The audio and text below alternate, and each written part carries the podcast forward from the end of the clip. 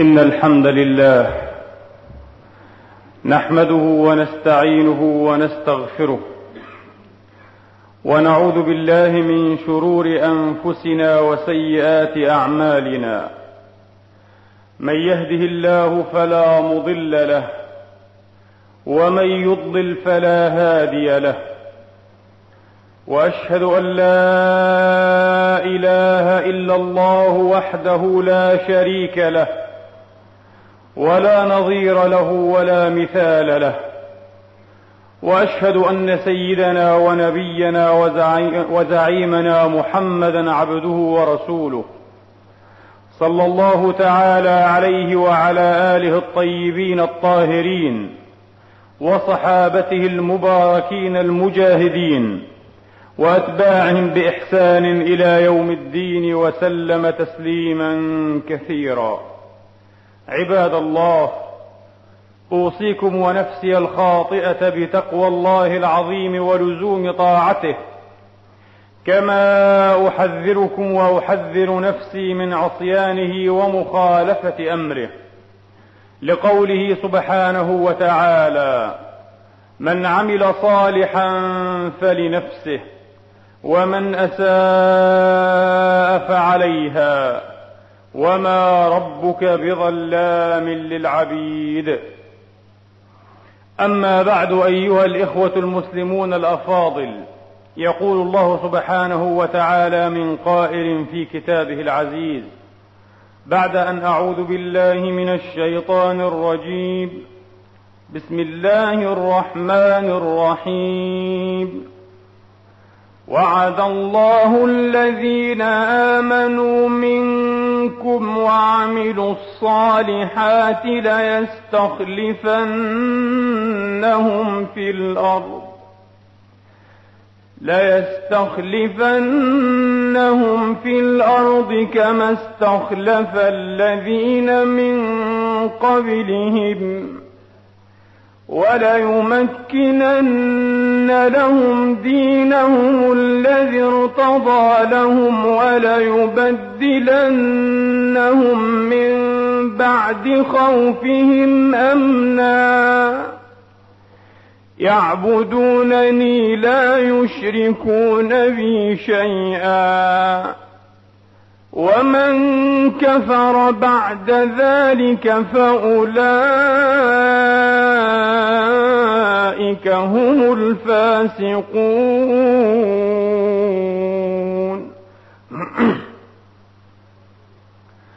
ويقول الرسول عليه الصلاة وأفضل السلام في حديثه الشهير الذي أخرجه الإمام أحمد في مسنده وابنه عبد الله والإمام البزار وابن خزيمة والطبراني وقال الهيثمي في مجمعه رجاله ثقات. وأخرجه الإمام أبو عبد الله الحاكم في مستدركه على الصحيحين. وقال رجاله رجال الصحيح ولم يخرجاه يعني البخاري ومسلما ووافقه عليه الذهبي في التلخيص. عن بشر بن عبد الله الخثعمي عن أبيه أنه سمع النبي عليه الصلاة وأفضل السلام يقول لتفتحن لتفتحن القسطنطينية ولنعم الأمير أميرها ولنعم الجيش ذلك الجيش. هذا حديث مشهور على ألسنة الناس العامة والخاصة. في القديم والحديث لأنه علم من أعلام نبوته ودليل من دلائل صدقه في خبره عن ربه سبحانه وتعالى وصلى الله على نبينا. كما يقول عليه الصلاة وأفضل السلام في الحديث الصحيح الآخر وهو بشرى أعظم من هذه البشرى تتضمنها وزيادة عن الحديث الذي أخرجه أحمد أيضا والإمام الدارمي في مسنده. وإسناد أحمد رجاله رجال الصحيح كما في المجمع غير أبي قبيل وهو ثقة رحمه الله تعالى. وأخرجه الإمام الحاكم أيضا وصح إسناده على شرطيهما ووافقه الذهبي في التلخيص. عن أبي قبيل رضي الله عنه قال كنا في مجلس عبد الله بن عمرو بن العاص رضي الله عنهما فسأله رجل أي المدينتين تفتح أولا؟ القسطنطينية أو رومية؟ أي روما كما نعرفها اليوم. قال أبو قبيل فقام عبد الله بن عمرو إلى صندوق له حلق أي له قفل ففتحه ثم قال يبدو أنه أخرج منه مكتوبا شيئا مكتوبا قرطاسا أو كتابا. ثم قال كنا عند رسول الله أو بينا نحن عند رسول الله عليه الصلاة وأفضل السلام نكتب إذ سأله رجل يا رسول الله سئل الرسول نفس السؤال يا رسول الله أي المدينتين تفتح أولا القسطنطينية أو رومية فأجاب النبي عليه الصلاة وأفضل السلام مدينة هرقل تفتح أولا يعني القسطنطينية مدينة هرقل تفتح أولا. هذا الحديث يدل على أنه عليه الصلاة وأفضل السلام قد تقدم منه إليهم قول وإخبار أن المدينتين كلتيهما تفتحان على المسلمين وعلى الموحدين وإلا ما معنى السؤال أي المدينتين تفتح أولا؟ إذا قد تقرر لديهم أن المدينتين كلتيهما ستفتحان على عباد الله من المسلمين على الموحدين. لكن صار السؤال الآن أي المدينتين تفتح قبل الأخرى؟ تفتح قبل الأخرى. ولماذا بالذات القسطنطينية ورومية؟ من بين من بين مدائن اللاتين ومدائن الإغريق أو مدائن الروم كما يعرفهم التاريخ الإسلامي.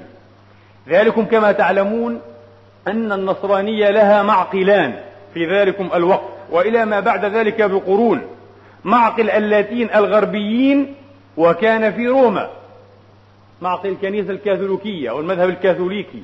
ومعقل الشرقيين الروم البيزنطيين الإغريق ومن والاهم. وكان هذا المعقل في القسطنطينية. وذلكم منذ القرن الثالث بعد ميلاد المسيح عليه السلام حين أوصى وقضى الإمبراطور ثيودور عام 375 من الميلاد بتقسيم الإمبراطورية الرومانية إلى قسمين. قسم غربي بزعامة الكنيسة الكاثوليكية في روما وقسم شرقي تتزعمه الكنيسة الأرثوذكسية الشرقية في القسطنطينية. ولذا سميت بعد ذلك هذه آه، القوة أو هذه المنطقة آه، بالبيزنطيين أو بالأغارقة أو بالروم الكنيسة الإغريقية أو البيزنطية أو الرومية كلها أسماء على مسمى واحد. فالنبي عليه الصلاة وأفضل السلام يريد أن يقول إن الإسلام سيرث المعقلين كليهما إن شاء الله. يعني معقلي النصرانية جميعها في الشرق والغرب القسطنطينية ورومية. وما أدراكم ما القسطنطينية؟ مما يسوءنا أنه يعرض في كتب التاريخ الإسلامي. طبعا أن عرض لذلك في الكتب المنهجية. ما أظنه يعرض للأسف الشديد. ما مر علينا ذلك. لكن حين يعرض في كتب التاريخ لفتح القسطنطينية يعرض له على أنه حدث كبير لكنه لا يأخذ مساحة واسعة من الورق. يعرض له في صفحة أو في نصف صفحة مع أنه حدث هائل. هناك شبه إجماع لدى المؤرخين الغربيين. نعم ليس إجماعا لكنه شبه إجماع لدى معظم أو عظم المؤرخين الغربيين أن بداية العصور الحديثة تبدأ بسقوط القسطنطينية. ينتهي عصر ليبدأ عصر جديد. كارثة. إلى الآن كثير من الكنائس وكثير من رجال الدين والفكر لديهم يحتفلون احتفال البؤس والنحيب والعويل في ذكرى سقوط القسطنطينية في التاسع والعشرين من مايو. من كل عام. وقد سقطت في هذا التاريخ عام 1453 أو في الحادي والعشرين من جمادى الأولى عام 857 من هجرة المصطفى عليه الصلاة وأفضل السلام.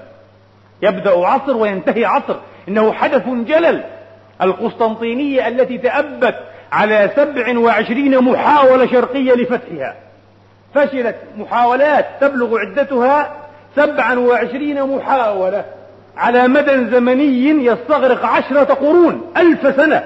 لم يستطع أحد من الغزاة أو البرابرة القادمين من الاستبس أو من غير الاستبس أن يفتحوا القسطنطينية. عشرة قرون ألف سنة. عبر سبع وعشرين محاولة. كانت المحاولات الأخيرة منها للمسلمين. المحاولة الأولى في عهد عثمان رضي الله تعالى عنه وأرضاه. والمحاولة الثانية في عهد معاوية بن أبي سفيان. آه، والثالثة في عهد بايزيد المعروف بالصاعقة. أحد سلاطين لعله رابع سلاطين العثمانيين المعروف بالصاعقة لجرأته وأقدامه. وهو من أكبر قادة الحروب الخاطفة. البليتس في هذه. الحروب الخاطفة السريعة سمي بالصاعقة. لكنه فشل أيضا حاصرها وفشل. ثم بعد ذلك حاصرها السلطان مراد الثاني. أبو السلطان العظيم أبي الفتوح الفاتح محمد. الثاني ابن مراد الثاني. حاصرها مرتين وفشل. وقد كان نظرا لأهميتها وأهمية موضعها وموقعها. لها أهميتان أهمية الموضع كما يقول فلاسفة الجغرافيا وأهمية الموقع أيضا. ولذا صمدت عشرة قرون كمعقل للنصرانية في الشرق. كمعقل للنصرانية كان سقوطها أشبه بالأسطورة أشبه بالحلم الثقيل الذي لم يكد يصدقه الغرب لا اللاتين ولا الغرب الأروام لم يصدقوه. وكان ذخرا وفخرا وشرفا ادخره الله لهذا الأمير الذي وصفه النبي عليه الصلاة وأفضل الصلاة بأنه نعم الأمير. ولنعم الأمير أميرها ولنعم الجيش ذلك الجيش. نعم. فتمتاز بموقع فريد وعجيب جدا. تقع بين بحور ثلاثة وهي مدينة مثلثة. مدينة مثلثة. بها من الأسوار والأبراج والحصون والقلاع الشيء العجيب الذي سنأتي على شيء من وصفه بعد قليل إن شاء الله تبارك وتعالى. وهي كانت تشكل الفاصل بين الجزء الشرقي والجزء الأوروبي الغربي من ممالك ودويلات الإمبراطورية أو الدولة العثمانية الناشئة الفتية القوية. لأن هذه الدولة كانت كما يقول أيضا المؤرخون والجغرافيون تتسم بما يعرف بالقفزة الضفدعية في توسعها الليب فروجنج أي أنها تحتل مكانا ثم تتجاوز مكانا آخر أو مكانين لتحتل ثالثا ثم تعود إلى ما تجاوزت وهكذا. توسعها ليس بشكل تواتري وإنما بشكل القفزات الضفدعية. فقد احتلت هذه الدولة العثمانية مثلا البلقان ولم قرنا كاملا وأكثر من قرن ما يزيد على القرن ولم تكن قد فتحت القسطنطينية. وتوجهت إلى الغرب أيضا وكثير جدا من أجزاء الأناضول لم تكن قد استولت عليها. ثم تعود تستولي عليها مرة أخرى. لها طريقة عجيبة في التوسع. هذه الإمبراطورية أو الدولة العثمانية الناشئه الفتية الجبارة العافية. فالمؤسس عثمان ابن أرطغرل ابن سليمان ابن قتا ألب الأول كان يعلم أهمية هذه المدينة الحصينة المنيعة الدينية المقدسة فأوصى لكنه لم يكن يمتاز بالقوة ولا بالإمكانية والاستطاعة لفتح أو محاصرة حتى هذه المدينة. فأوصى من بعده من أبنائه وأحفاده من سلاطين هذه الدولة أن يفتحوا القسطنطينية أو القسطنطينية. لا بد من فتحها. فشلت كل المحاولات. حتى هيأ الله لها الفاتح المعروف بأبي الفتوح أيضا. السلطان محمد الثاني ابن مراد الثاني رحمة الله تعالى عليه رحمة واسعة ليحقق به إعجاز الخبر النبوي وآية من آيات صدق صاحب الرسالة وفتحا عظيما من أعظم الفتوح في تاريخ الإسلام على الإطلاق هو فتح القسطنطينية. القسطنطينية التي قال فيها نابليون نفسه هذا الرجل الذي كان له أطماع عجيبة في العالم أطماع إمبراطورية توسعية قال فيها لو كانت الدنيا كلها مملكة واحدة لما لاقى أن تكون عاصمة لها إلا القسطنطينية. كان يعتبرها مفتاح العالم هذه المدينة. ولو أنه لم يختلف عليها مع الروس لربما تغير تاريخ المسلمين وتاريخ الغربيين. لأن نابليون في أطماعه في وراثة أملاك الدولة العثمانية المريضة المضعضعة التي تحتضر أراد أن ينشئ حلفا مع روسيا. وكانت دولة ناهضة أيضا. ولا أطماع استعمارية إلا أنهما اختلفا على مصير القسطنطينية. روسيا الأرثوذكسية تريدها لنفسها ونابليون قال لا لا أعطيها إلا لي. فاختلف ولم يقع التحالف ثم كانت هزائم نابليون المتتالية. فربما لو تحالفت روسيا ونابليون ولم يتحالف لأجل القسطنطينية لربما تغير تاريخ العالم بشرقه وغربه.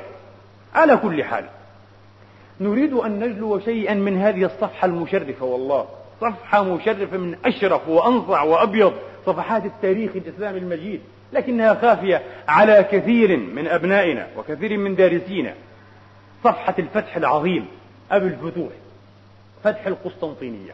كان من عادة السلطان الفاتح وقد تولى السلطنة بعد أبيه وكان عمره 22 سنة فقط. كان شابا ابن 22 سنة فقط. كان سلطان الدولة العثمانية الناشئة. كان من عادته إذا أراد أن يحاصر موقعا قطع عنه خطوط الإمداد والاتصالات. لذا عمد لدى بداية الفكرة والتماعها إلى عقد معاهدات مع البوسنة أو البوشناق ومع الأفلاق ومع المجر ومع البندقية. وقد كان البنادقة رجال حرب أشاوس وإن كانوا تجارا كالجنويين لكنهم كانوا أصحاب بحر. أعرف الناس بطبيعة القتال البحري على أثباجه فعقد معهم معاهدات كثيرة وعقد معاهدة بالذات مع البطل المجري الذي تعتبره المجر إلى الآن أعظم أبطالها التاريخيين هونياد والذي لقي منه الفاتح وأبوه الأمرين في عدة معارك في مختلف الدول البلقانية وليس في المجر وحدها هونياد يحتفلون به إلى اليوم هذا كل سنة المجر أعظم أبطالهم التاريخيين هونياد فعقد معه حلفا ثم بدأ الفاتح في الاستعدادات لحصار المدينة كان همه المقيم المقعد كما يقول المؤرخون هو فتح القسطنطينية. لم يكن يسمح لأحد من العلماء أو الدراوشة أو الوزراء أو المستشارين أن يحدثه في أي مجلس إلا عن فتح القسطنطينية. كان همه بالليل والنهار فتح هذه المدينة صاحب عزيمة صميمية وإرادة نافذة لا تعرف الالتواء ولا تعرف النقوص والتراجع ولا الضعف والخور بدأ الاستعدادات فأول ما بدأ أنشأ على الضفة أو الشاطئ الأوروبي للبوسفور قلعة عظيمة سميت بعد ذلك بقلعة الروميلي أو حصار روميلي بالتركية. كانت بإزاء القلعة التي أنشأها جده بايزيد الأول الصاعقة على الشاطئ الأسيوي وتعرف بحصار أناطولي أو القلعة الأناضولية قلعة الأناضول. أنشأ قلعة منيعة عظيمة جدا. مثلثة الشكل أيضا كشكل المدينة القسطنطينية في ثلاثة أشهر. قال المؤرخون كان يباشر العمل ورفع الحجارة والطين بنفسه مع كبار رجال دولته. وهذه أولى صفات القائد الناجح الصادق الملهم. ينزل مع الجمهور يشاركهم النصر والهزيمة. السلطان الفاتح وقد كان سلطانا عظيما. الإمبراطورية العثمانية وهي إحدى معاجز التاريخ. كما يقول جورج فينلي في كتابه تاريخ الإغريق قال إنها لمعجزة من أعظم ما تفتقت عنها العبقرية البشرية. أن تنشئ أربعمائة أسرة فقط. أصل العثمانية أربعمائة أسرة الذين أنشأوا هذه الإمبراطورية وقد فروا من خراسان مستقرهم أمام الزحف التتري بقيادة جنكيز خان. أربعمائة أسرة فقط. أن تنشئ أربعمائة أسرة فقط إمبراطورية لم تضاهها إمبراطورية أخرى في السعة والامتداد حاشا إمبراطورية جنكيز خان. فقد كانت أوسع منها. وأكثر امتدادا إلا أن العثمانية تفوق على الجنكيزية بطول العمر. فقد كانت إمبراطورية جنكيز خان قصيرة العمر. ما لبثت أن قامت حتى تنتهي أو لتنتهي. أربعمائة أسرة. إنها معجزة. أنا هذا الدرس هزني. كأن الله تبارك وتعالى وما أكثر ما يحفظ به التاريخ من دروس. يريد أن يقول للأمة فعلا كتفسير تاريخي لقوله إن تنصروا الله ينصركم وما النصر إلا من عند الله. لأن الله قادر على أن يقيض لهذا الدين. ولهذه الأمة أمة فتية جديدة تتكون من بضعة آلاف أو بضعة مئات من الألوف. تنصر الإسلام في شرقه وغربه وترفع له راية عالية خفاقة أربعة قرون متواصلة. من أربعمائة أسرة فقط درس من أعظم دروس التاريخ. لكن إن عدنا إلى الله وسنجلو أيضا صفحات أخرى من سيرة السلطان الفاتح نفسه. أخلاقه تربيته اقتداره إخلاصه تدينه في درسنا غدا إن شاء الله تعالى. الذي يبدأ الساعة السابعة مساء لأن المقام يتسع لذلك. سنتحدث عن سيرة هذا الإنسان العظيم الذي إن قرأتم عنه وسمعتم عنه لم تملكوا إلا أن تحبوه حبا جما. فنعم الأمير ونعم السلطان. النبي قال نعم الأمير. ووجدت لمؤرخ غربي كبير. لا أدري هل هو بربار أو غيره. المهم لمؤرخ غربي كبير وصفه بعد أن أطنب في وصفه ونعته بالصفات الواقعية التي كانت فيه. قال لقد كان حقا أميرا كاملا. النبي قال نعم الأمير. وهذا المؤرخ الخبير بالرجال والوقائع وما جريات التاريخ يقول بالإجمال نريد أن نجمله في كلمة واحدة لقد كان أميرا كاملا. كما يقول عرب الفارس الكامل وربع الفارس ونصف الفارس هذا أمير كامل وليس كسر أمير. لقد كان سلطانا وأميرا كاملا رضي الله تعالى عنه وأرضاه. المهم أنشأ هذه القلعة وساهم في بنائها بنفسه مع كبار رجال دولته. ثم بعد ذلك سمع بصانع مدافع مجري الأصل يدعى أوربان. أمهر الصناع في عصره. يعني أمهر صناع المدافع في عصره. من حسن حظ المسلمين أنه كان في حاشية أو كان في بلاط الإمبراطور قسطنطين إمبراطور القسطنطينية الذي كان واقع على المورة قبلها. لكن هذا كان جشعا. أوربان المجري كان جشعا محبا للمال جدا. وهذا لم يفتح خزائنه أمامه. فانسل ولحق بمعسكر السلطان الفاتح الجديد. ففتح له الخزائن واحتفى به احتفالا عظيما. ما ترك شيئا إلا لبه له. لكنه سأله يوما الفاتح هل تستطيع يا أوربان أن تصنع لي مدفعا؟ لم تصنع مثله قط لأحد؟ قال أيها السلطان المبجل إن في استطاعتي أن أصنع لك مدفعا يدك أسوار القسطنطينية وإن كانت في مناعة أسوار بابل. لكن المشكلة أنني لا أعرف أين ينبغي أن يوضع فأنا مهندس وصانع ولست رجل حرب. فتبسم السلطان الفاتح وقال ما عليك أنت اصنع هذه المدافع وأنا رجل الحرب أنا ابن بجدتها وفارس حلبتي كما يقال. أنا الذي أعرف أين توضع هذه المدافع. وقد كان السلطان صاحب ثقافة عريضة ووسيعة ليس في فنون الحرب في مختلف أنواع الثقافات. كان عالما كأحسن ما يكون العالم. كان يجيد زهاء خمس أو ست لغات عالمية في عصره. سنعرف هذا بالتفصيل غدا إن شاء الله تعالى. شخصية فذة من شخصيات التاريخ الإسلامي وليس التاريخ العربي التاريخ الإسلامي. ملك لهذه الأمة كلها بمختلف أجناسها.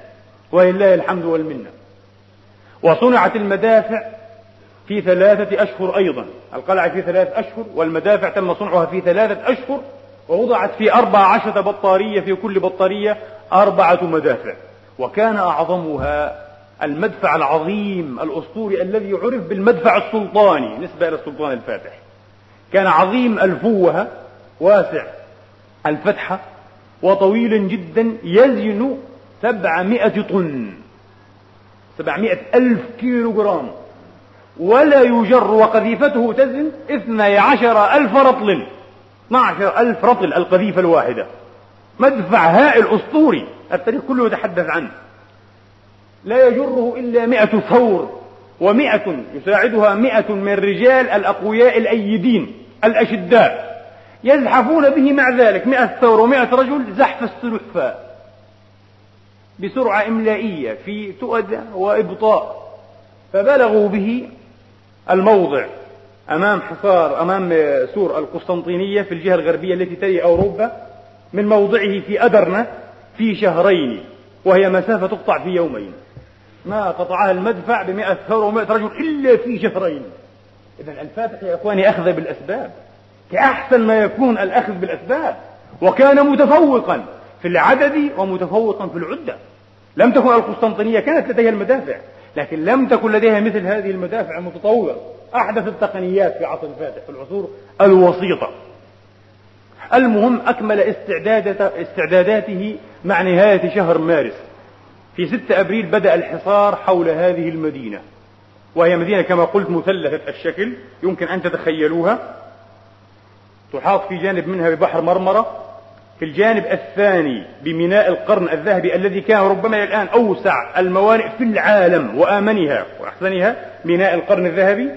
وفي الجهة الغربية التي تصلها بأوروبا كما قلت هناك وادي نهر ليكوس الذي يمر بالمدينة وفيه الأسوار. في الجهة الأولى إزاء بحر مرمرة هناك سور عظيمة. وفي الجهة الثانية إزاء القرن الذهبي أيضا سور عظيم لكن في الجهة الضعيفة في جهة البر هناك هناك عدة أسوار. سور داخلي ثم يليه فضاء. طبعا عليه أبراج وقلاع كثيرة. ثم يليه فضاء. ثم سور خارجي أقل منه وأضعف قليلا وعليه أبراج وقلاع. ثم بعد ذلك فضاء عريض وسيع. ثم سور ثالث ضعيف يمكن اقتحامه بسهولة. يمكن أن يعد بلغة العصر متراسا. وأمام هذا المتراس يوجد خندق. عرضه ستين قدما. يعني قريب من المترين متر وثمانية في العشرة المتر. خندق. هذا الخندق هو خط الدفاع الأول ضد المدينة. خط الدفاع الأول للمدينة لمدينة القسطنطينية. قسم الفاتح جيشه إلى الميسرة والميمنة والقلب وكان هو في القلب. في أضعف نقطة تحاذي الوادي وادي نهر ليكوس المعروفة بباب طب قابي أو طب كابي. يعني باب المدفع عرف بعد ذلك بباب المدفع. لأنه عند هذا الباب صوب المدفع السلطاني العظيم والمدافع وزعت في بحر مرمرة ألقى الفاتح يقال ب 150 ويقال 250 ويقال أكثر من ذلك. الرقم الوسيط 200 بحوالي 200 سفينة. لكن نعترف الحقيقة التاريخية أن العثمانيين كانوا في تلكم الفترة ضعافا غير متمرسين بفنون الحرب على أثباج البحر على أثباج المياه. وأما الجنويون والبنادقة الطليان فقد كانوا أهل الحرب على أثباج البحر. كانوا أهل البحر سادة البحر وفرسانه بلا شك وقد كانوا موجودين. كما سيأتي ذكرهم. لكن ألقى السفن أكثرها خراقير وسفن ضعيفة بالمجاديف. وقليل منها ربما خمس سفن فقط عالية البناء ومدعمة وفيها العدة والعتاد اللازمة. خمس سفن من بين هذه المئات من السفن فقط. وقد أدرك إمبراطور القسطنطينية المحصور قسطنطين أن نقطة ميناء القرن الذهبي في الجهة المقابلة للغرب الشرقية نقطة ضعيفة. فعمد مباشرة إلى سدها بسلسلة قوية جدا. بسلسلة قوية جدا من الجانبين حتى يمنع دخول سفن العثمانية من بحر مرمرة إلى ميناء القرن الذهبي. وفعلا حاولت السفن العثمانية مرارا أن تقتحم وأن تكسر هذه السلسلة فعجزت وغرق الكثير منها. بعد هذه السلسلة أو خلف هذه السلسلة أو وراءها كانت تحتجئ السفن النصرانية. الجنوية والبندقية والقسطنطينية الرومية تحتاج سفن كثيرة مدعمة وقوية جدا خلف هذه السلسلة. بدأت المناوشات لم يكن المحصورون في المدينة يتوقعون أن يكون للمدافع وخاصة المدفع السلطاني مثل هذا الدوي الذي يصم الآذان ويسقط الحبال ويصعق المنخوبين من الناس الغافلين. لم يكونوا يتوقعون شيئا مذهلا. عندما جرب المدفع لأول مرة في أدرنا بعث الفاتح أناسا يؤذنون الناس بأن المدفع سيجرب في الساعة الفلانية. خشية أن تسقط النساء الحبالة أو يصعق المنخوبون من الناس.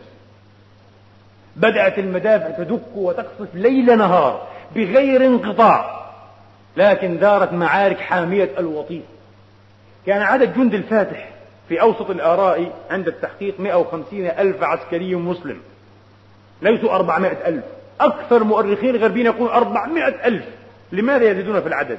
كاعتذار عن الهزيمة بعد ذلك. وكم كان عدد المدفوع المدافعين من المحصورين؟ في أوسط الآراء كانوا أربعين ألفا. ومعظم مؤرخي الغرب يقولون كانوا ثمانية آلاف. اعتذار آخر عن الهزيمة. أربعمائة ألف بهذه التقنيات العالية والتسليح الوفير إزاء ثمانية آلاف. لا لم يكونوا ثمانية آلاف إنما كانوا زهاء أربعين ألفا. لكن داخل مدينة محصنة منيعة تأبت على أمثال هذه الغزوات عشرة قرون. الكل يفشل عند أسوارها وأبراجها القسطنطينية المهم وبدأت المعارك وكانت حامية الوطيس جدا ومات عدد كثير جدا. تهاووا صرعى من جنود الأتراك والعثمانيين المسلمين. بعد ذلك لاح للفاتح أو لاحت للفاتح فكرة عبقرية. ينبغي أن يدخل سفنه ميناء القرن الذهبي لأنها مكان ضعيف أو موقع ضعيف لكن كيف؟ وهو لا يستطيع أن يحطم السلسلة. خطرت له فكرة لعل بعضكم سمع بها من أروع وأعجب ما حدث في تاريخ المعارك عبر التاريخ. على الإطلاق يدعي بعضهم بعض الغربيين أن هذه الحيلة أو الفكرة قد طبقت تاريخيا لكن لا ندري أين أين المثال؟ لا نعرف إلا هذا المثال كما يقول مؤرخون. الفاتح أراد أن ينقل السفن من مينائها في البسفور في الأعلى إلى ميناء القرن الذهبي لكن عبر اليابسة. ولا يستطيع أن يأتي إلى منطقة السلسلة ليحطمها ويدخل. إذا لابد أن ينقلها من هنا من مينائها في بشكطوش إلى ميناء القرن الذهبي عبر اليابسة مسافة ثلاثة أميال. خطر له هذا في ليلة. وكانت هذه الثلاثة الأميال ليست سهولا معبدة إنما كانت وهادا ونجادا تلتوي وتتعرج. عبدت الطريق الثلاثة أميال في جزء من الليلة. ثم فرشت كلها بأخشاب عظيمة دهنت بالزيت والأدهان المختلفة. ثم جرت السفن فمخرت عليها كما تمخر عباب الماء. في ساعات قليلة انطلقت وانزلقت الثلاثة الأميال وصارت في ميناء القرن الذهبي. في ميناء القرن الذهبي. يقول باربارو المؤرخ الإيطالي الحاقد الصليبي الذي كان محصورا في القسطنطينية وكل ما كتبه كتبه عن مشاهدة وإن بالغ في التحريف والمجافاة مجافاة الحقائق. يقول لقد تم هذا العمل الجبار في ليلة واحدة وسيعلق على عمل آخر تم في أربع ساعات فقط. قال تم هذا العمل الجبار في ليلة واحدة عبد الطريق وفرشت بما فرشت ونقلت السفن في البر تمخر عباب البر. وشاعت نبوءة في أهل القسطنطينية تقول إذا رأيتم السفن تمخر عباب البر أو تمخر اليابسة فإن القسطنطينية ستقع في أيدي البرابرة الوثنيين. نبوءة. وأما سائر ملوك أوروبا فقد تخلوا عنه. لماذا؟ للخلاف المذهبي. أرثوذكس وكاثوليك قالوا لا. أنتم تعلمون أن القسطنطينية قبل أن يفتحها أبو الفتوح الفاتح بقرنين ونصف في الحرب الصليبية أو الحملة الصليبية الرابعة. في الحقيقة الحملة الصليبية الرابعة لم تصل إلى الشرق الإسلامي. إنما وصلت القسطنطينية وقعدت فيها دمرتها تدميرا. فتحها الكاثوليك لأنهم كانوا يعتبرون الأرثوذكس الشرقيين برابرة وملاحدة يجب قتالهم كما يجب قتال المسلمين. وأما البيزنطيون الشرقيون فكانوا يعتبرون أن من يكفو بقلبه أو يحسن الظن بلاتيني غربي كاثوليكي فهو خائن لوطنه وديانته. الخلافات المذهبية كما هي الخلافات الآن بين المسلمين بين مختلف الأفراق ومختلف الأفكار ومختلف التوجهات. الدوق أنتاراس الذي كان يدير القسطنطينية في فترة الحصار رفض رفض أن تمدهم الباب أن تمد تمدهم البابوية بأي عون أو نصر أو مدد. لقاء ماذا؟ لقاء أن تتحد الكنيستان. الشرقية والغربية تحت إمرة الكنيسة الغربية البابوية. رفض. وقال لأن أرى عمامة الأتراك في القسطنطينية خير من أن أرى قبعة اللاتين. هذا ما سمعناه وما زلنا نسمعه من بعض الجهلة من أبنائنا وبعضهم ادعى العلم والفهم. نحن نفضل أن نتعامل مع اليهود. على أن نتعامل مع الشيعة. الشيعة صاروا في منطق هؤلاء الجهلة شرا من اليهود. نتعامل مع اليهود والنصارى ولا نتعامل مع الشيعة. ربما تحتاج إلى هؤلاء الشيعة في يوم من الأيام في معركة فاصلة. لابد أن تحشد لها كل الجهود الإسلامية. كل جهود البلدان الإسلامية. الآن كلنا وأنا ربما أول الناس لا نملك إلا أن انتعش فينا الأمل في قلوبنا. حين سمعنا ما حققته باكستان من نصر. كلنا. نعيش أياما كما يقال وردية. أمل كبير جدا. بدأ ينبت في قلوبنا وفي نفوسنا. باكستان. بالصفة العربية أو بالصفة الإسلامية. فقط بالأمل الإسلامي. بالأمل أن يكون لنا فيهم أمل إسلامي إن شاء الله في يوم من الأيام. وإسرائيل تخافها جدا. الآن كل التعليقات حول باكستان. لأنهم يخافون أن يقوم حلف. وربما يقوم إن شاء الله. بين إيران وباكستان. ربما. مع العداء التاريخي بينهما. لكن ربما قام هذا الحلف فإن قام ربما نقل المشروع أنه الباكستان إلى إيران فتكون النتيجة. تكون النهاية بداية النهاية لإسرائيل. يحصل التوازن الحقيقي وليس سياسة تركيع العرب والدول العربية باسم ترسانة إسرائيل النووية. لا. سيختلف. أحد المعلقين الإسرائيليين قبل يومين يقول إنه ليس مما يمحو الخجل أو الهزيمة أو العار. عبارة مشابهة لا يحفظها عن وجه كلينتون والسياسة أو الإدارة الأمريكية أن تعطي إسرائيل أن تعطي إسرائيل ثلاثة عشر في المئة. كأن هذا المحلل الصحفي يعني أو السياسي بدأ يفهم أن على إسرائيل أن ترضخ قليلا. كما يقال بالعامية أن تسحب ناعما. وأن تعطي أن تعطي بعض ما توجب عليه الاتفاقات. لأن ميزان القوى بدأ يعتدل لصالح الإسلاميين أو لصالح المسلمين أو لصالح الأمة التي أثبت التاريخ أنها أمة واحدة بحمد الله تعالى. أليس كذلك؟ لقد كان حتى ليس الإسلاميين أو العرب المعاصرين ليس فقط العرب المعاصرين كانوا يعتبرون العثمانيين غزاة برابرة ومستعمرين. يسميهم بعض كبار علماء التاريخ والجغرافيا العرب يسميهم برابرة العرب. هم برابرة العرب العثمانيين. حتى العرب القدماء لا أقول المسلمين حتى العرب القدماء كانوا يعتبرون أن العثمانيين غزاة ومخربين.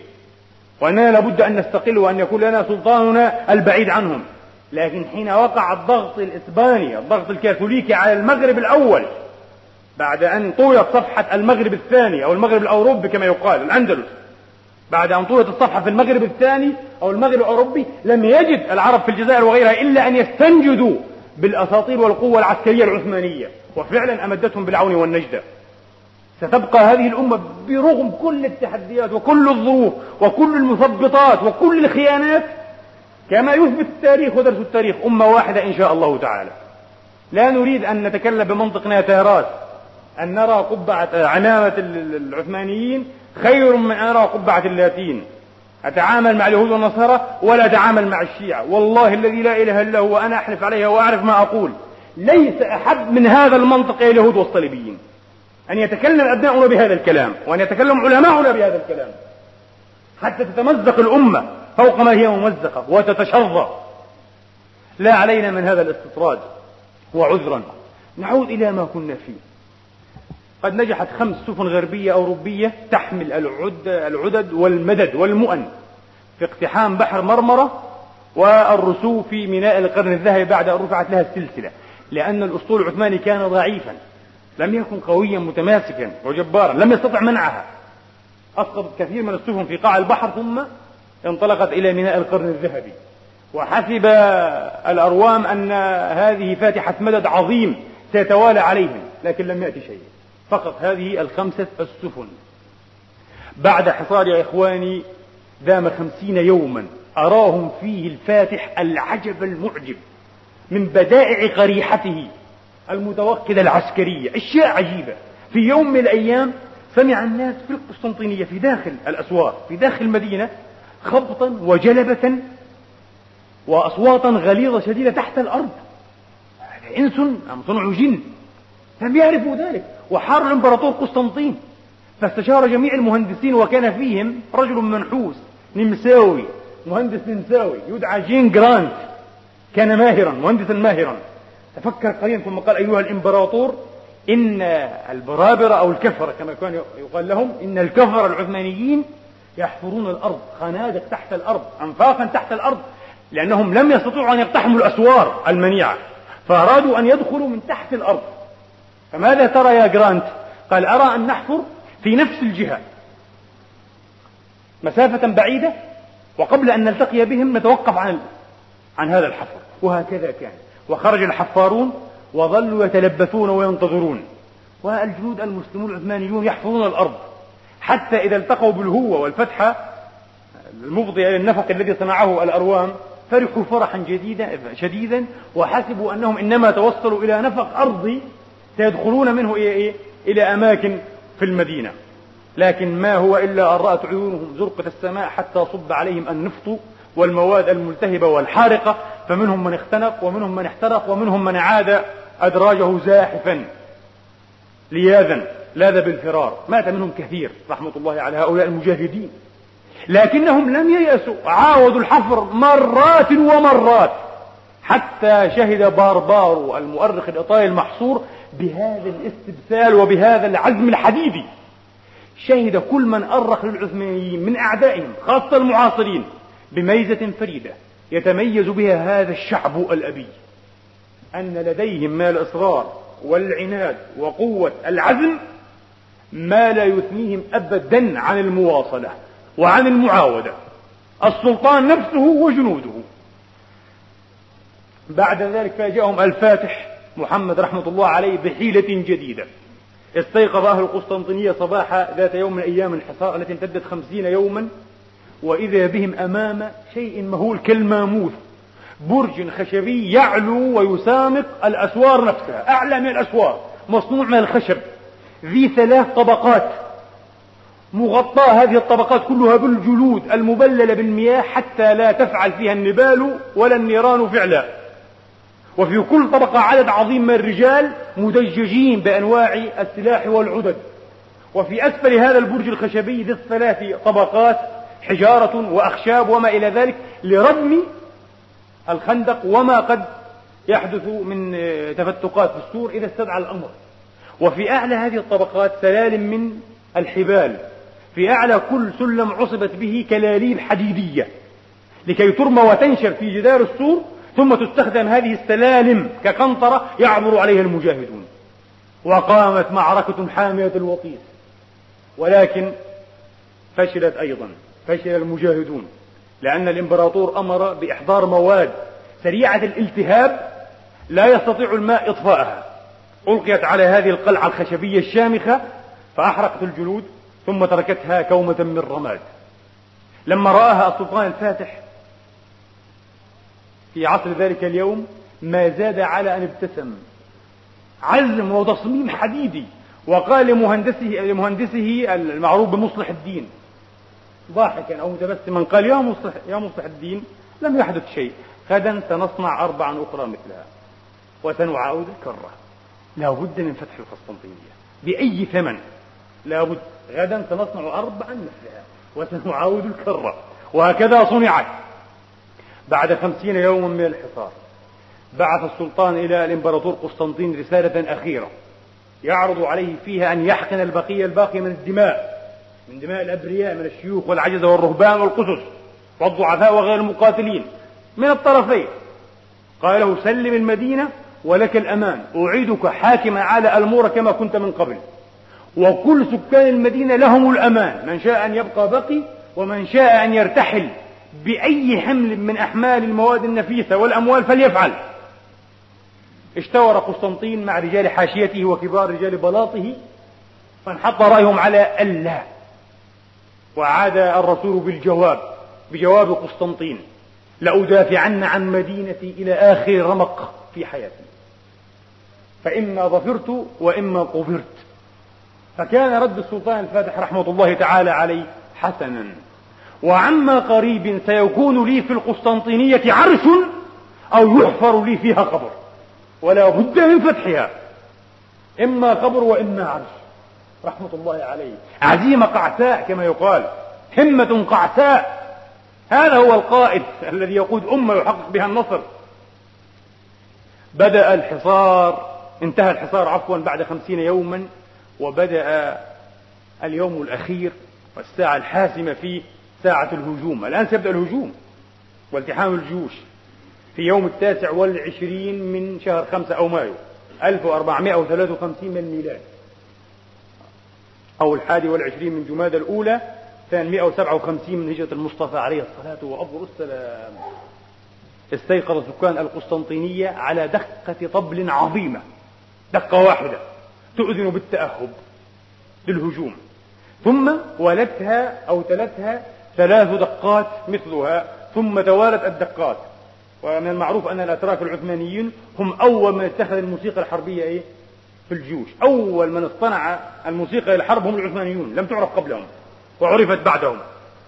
وارتفعت الحناجر والعقائر ولجت بالتكبير. الله أكبر. وكلمات الاستشهاد والاستبسال والتضحية والفداء. وأرسل السلطان الفاتح الميسرة من جنود الروملي. وكانوا أضعف الجنود. وأراد من ذلك أن ينهي قوى العدو. خسروا فيها خسارة عظيمة. لكن ما تركهم ساعة من زمان حتى دكهم بالمدفعية. وكان كلما دك السور وصارت فيه التفتقات أو الانهيارات أعاد الروم بناؤه من جديد في ساعات. أيضا استبسلوا معركة عظيمة. كان يقود قوات المحصورين القائد الجنوي من جنوة الإيطالي المشهور جستنيان هذا الرجل حين رأى منه الإمبراطور قسطنطين شدة البأس والميراث والمعرفة بأفانين الحرب والقتال جعله القائد العام للدفاع وليس الإمبراطور. وقد أعجب به الفاتح وأعرب عن إعجابه باستبساله وشجاعته وبطولته. جستنيان في أربعمائة من المقاتلين الجنويين الأشداء. هؤلاء أبلوا في المؤمنين أو في المسلمين بلاء قبيحة.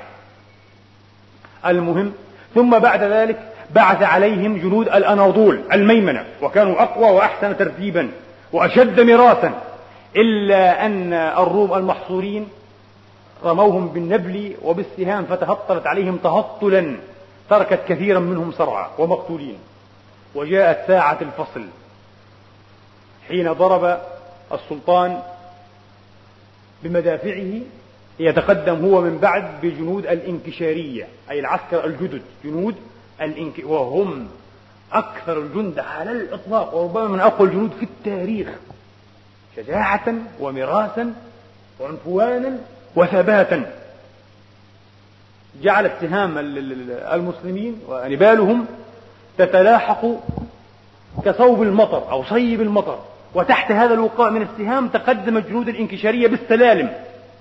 يقول بربارو تقدموا كالأسود يصفون بالأسود تقدموا كالأسود فانقضوا على السور في خفة القطط أو السنانير تسلقوا السور هذا في لحظات ثم صار الالتحام بالأجساد معركة حامية. وهنا جرح جستنيان الجنوي جرحا بليغا نقل على أثره إلى سفينته الراقدة في ميناء القرن الذهبي ثم توفي على أثره. فلم يجد الإمبراطور بدا من أن يقود هو نفسه. الساحة. فقاد ساحة القتال وسمع من الجهة الشمالية للسور أن الأتراك قد دخلوا المدينة دخلوها من الجهة الشمالية. فنزل الإمبراطور وتخفف من بعض ملابسه الحربية وكان شجاعا وبطلا أيضا قسطنطين هذا وجعل يضرب بسيفه ذات اليمين وذات اليسار حتى أرداه أحد المجاهدين المسلمين بضربة سيف. أرداه قتيلا أو صريعا وبعد ذلك لم يجد أهل القسطنطينية بدا من أن ينخذلوا وأن يعني يخلدوا إلى الضعف وإلى الاستسلام ودخل الجنود المجاهدون العثمانيون. انسالوا كالسيل الجارف أو انساحوا كالسيل الجارف في المدينة. وعند الظهر دخل السلطان الفاتح رحمة الله تعالى عليه وهو على جواده في كبار حاشيته ورجال دولته. حتى إذا توسط المدينة قام أو توقف وقام خطيبا في رجاله. قال لهم أيها المجاهدون الغزاة هنيئا لكم فقد حقق الله تبارك وتعالى بكم معجزة من معاجز سيدنا رسول الله عليه الصلاة وأفضل السلام. وكنتم أنتم الذين قدر لهم أن يحوزوا هذا الشرف البالغ وهذا النصر العظيم. ووصيتي إليكم أن تجعلوا أحكام الشريعة الغراء أمام أعينكم. فلا قتل ولا سلب ولا نهب ولا عدوان على الضعفاء والمسالمين والمستسلمين. هذه أحكام شريعتنا. السلام رسالة سلام ليس كما يصف الغربيون. قال أعمل فيهم السلب والنهب وقتل الأبرياء والفحش والعياذ بالله بالرهبان والراهبات. كلام فارغ هذا. لم يكن شيء من بحمد الله تعالى. ربما كان بعض السلب والنهب من بعض المتعجلين لكن السلطان نهاهم. ثم نزل السلطان رحمة الله تعالى عليه واستقبل القبلة وسجد لله تبارك وتعالى. وأخذ من تراب الأرض وحثى على رأسه. تواضعا لله الذي مكنه من هذا النصر وأولاه هذا الظفر. لم يعرف هذا عن فاتحين إلا فاتحي المسلمين. يدخلون برسالة السلم برسالة الوداعة ويضعون التراب على رؤوسهم تواضعا لله. لا يدخلون أباطرة أو متألهين جبابرة في في بلاد الله وعباد الله. حثى السلطان التراب على رأسه. تواضعا لله تبارك وتعالى. ثم قصد إلى الكنيسة العظمى كنيسة آيا صوفيا وسمع فيها أصواتا خفيفة محزونة كثيرة تعج بالناس. الناس كلهم هرعوا إلى إلى الكنيسة كنيسة آيا صوفيا لأنه قد شاعت وترددت فيهم نبوءة. أن البرابر إذا دخلوا المدينة هذا إيمان الشعوب المهزومة إيمان بالنبوءات والخرافات والأماني والأحلام. أنه إذا دخل البرابر المدينة فلوذوا بالكنيسة. وعند العمود المعروف بعمود قسطنطين سيجلس رجل من عامة الناس من الطغام وسينزل ملك من أعالي السماء بيده سيف يعطي لهذا الرجل العامي فيضرب به أعضاء الله فيأخذهم الفزع والهلع ويعود أدراجهم ناقصين على أعقابهم إلى حدودهم عند بلاد فارس. نبوة خرافية لم يكن شيء من ذلك. هؤلاء لاذوا بالكنيسة على هذا الأمل الضعيف الواهن. وجاء الفاتح عند أعظم أبواب الكنيسة وكان مغلقا. ولما علم الراهب الأعظم بمقدم السلطان أمر بفتح الباب على مصراعيه. وأخذ الناس الإفك أو الرجف والرعدة. حسبوا أن هذا السلطان سيفعل بهم أشد مرات مما فعل إخوانهم الصليبيون في الحمراء الصليبية الرابعة. سيذبحونهم جميعا إنهم برابة عثمانيين. إنهم الوثنيون المسلمون الكفرة كما يقال لهم. فقال السلطان للراهب أمن الناس وليعودوا جميعا إلى ما كانوا فيه من صلاة ودعوات. كانوا يصلون لله يتوسلون إلى المسيح والعذراء. وليعودوا إلى ما كانوا فيه من صلوات ودعوات. لا خوف عليهم ولا حزن. فلما عادوا وبدأوا يرتلون ويصلون قال هو مرهم جميعا بالانصراف إلى بيوتهم. إلى بيوتهم. هم آمنون على أنفسهم وأموالهم وأعراضهم. جميعا. لا خوف عليهم. وليبدأوا من الصباح وليزاولوا ما كانوا يزاولونه من قبل. كل عامل في عمله وكل محترف في حرفته وكل ممتهن في مهنته. تعود الحياة إلى المدينة كما كانت. من غير قتل وتدمير. وسمع الفاتح وهو يجوب في ردهات وجنبات الكنيسة صوتا. فإذا بأحد الجنود العثمانيين بيده آلة من حديد يضرب بها عمودا مرمريا. يكسر فيه في الكنيسة. فسأله السلطان مغضبا. ما هذا الذي تصنع؟ قال ألست مسلما؟ إنني أكسر آثار الكفرة في صور مقدسة للقديسين والقديسات والعذراء أكسرها فغضب الفاتح قال إن الله لم يأمرك بأن تخرب المعابد وأخذ الآلة وضربه بها على رأسه فأرداه على الأرض. تسامح شخص. كان الفاتح ابن 25 سنة في التحقيق. ليس كما قلنا مرارا ورددنا من غير تحقيق مع كثير من الكتاب أنه كان ابن 20 أو 19 سنة كان ابن 25 سنة. كان شابا أيضا. ثم كان بعد ذلك ما كان من دروس السماحة وسعة الصدر ورحابة المعاملة والملاينة التي سنتلوها إن شاء الله تبارك وتعالى في درس الغد. أقول قولي هذا وأستغفر الله لي ولكم. لله رب العالمين والعاقبة للمتقين ولا عدوان إلا على الظالمين وأشهد أن لا إله إلا الله وحده لا شريك له الملك الحق المبين وأشهد أن سيدنا محمدا عبده ورسوله الضحوك القتال والصادق الوعد الأمين وعلى آله الطيبين الطاهرين وصحابته المباركين المجاهدين وأتباعهم بإحسان وعلينا وعليكم معهم أجمعين إلى يوم الدين. اللهم إنا نسألك الهدى والتقى والعفاف والغنى. اللهم أصلح ذات بيننا وألف بين قلوبنا. اللهم روي بدمائنا شجرة الخلافة الإسلامية.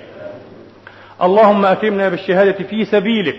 اللهم وهيئ لهذه الأمة المرحومة أمر رشد تعز فيه أولياك وتذل فيه أعداك ويعمل فيه بطاعتك يؤمر فيه بالمعروف وينهى فيه عن المنكر.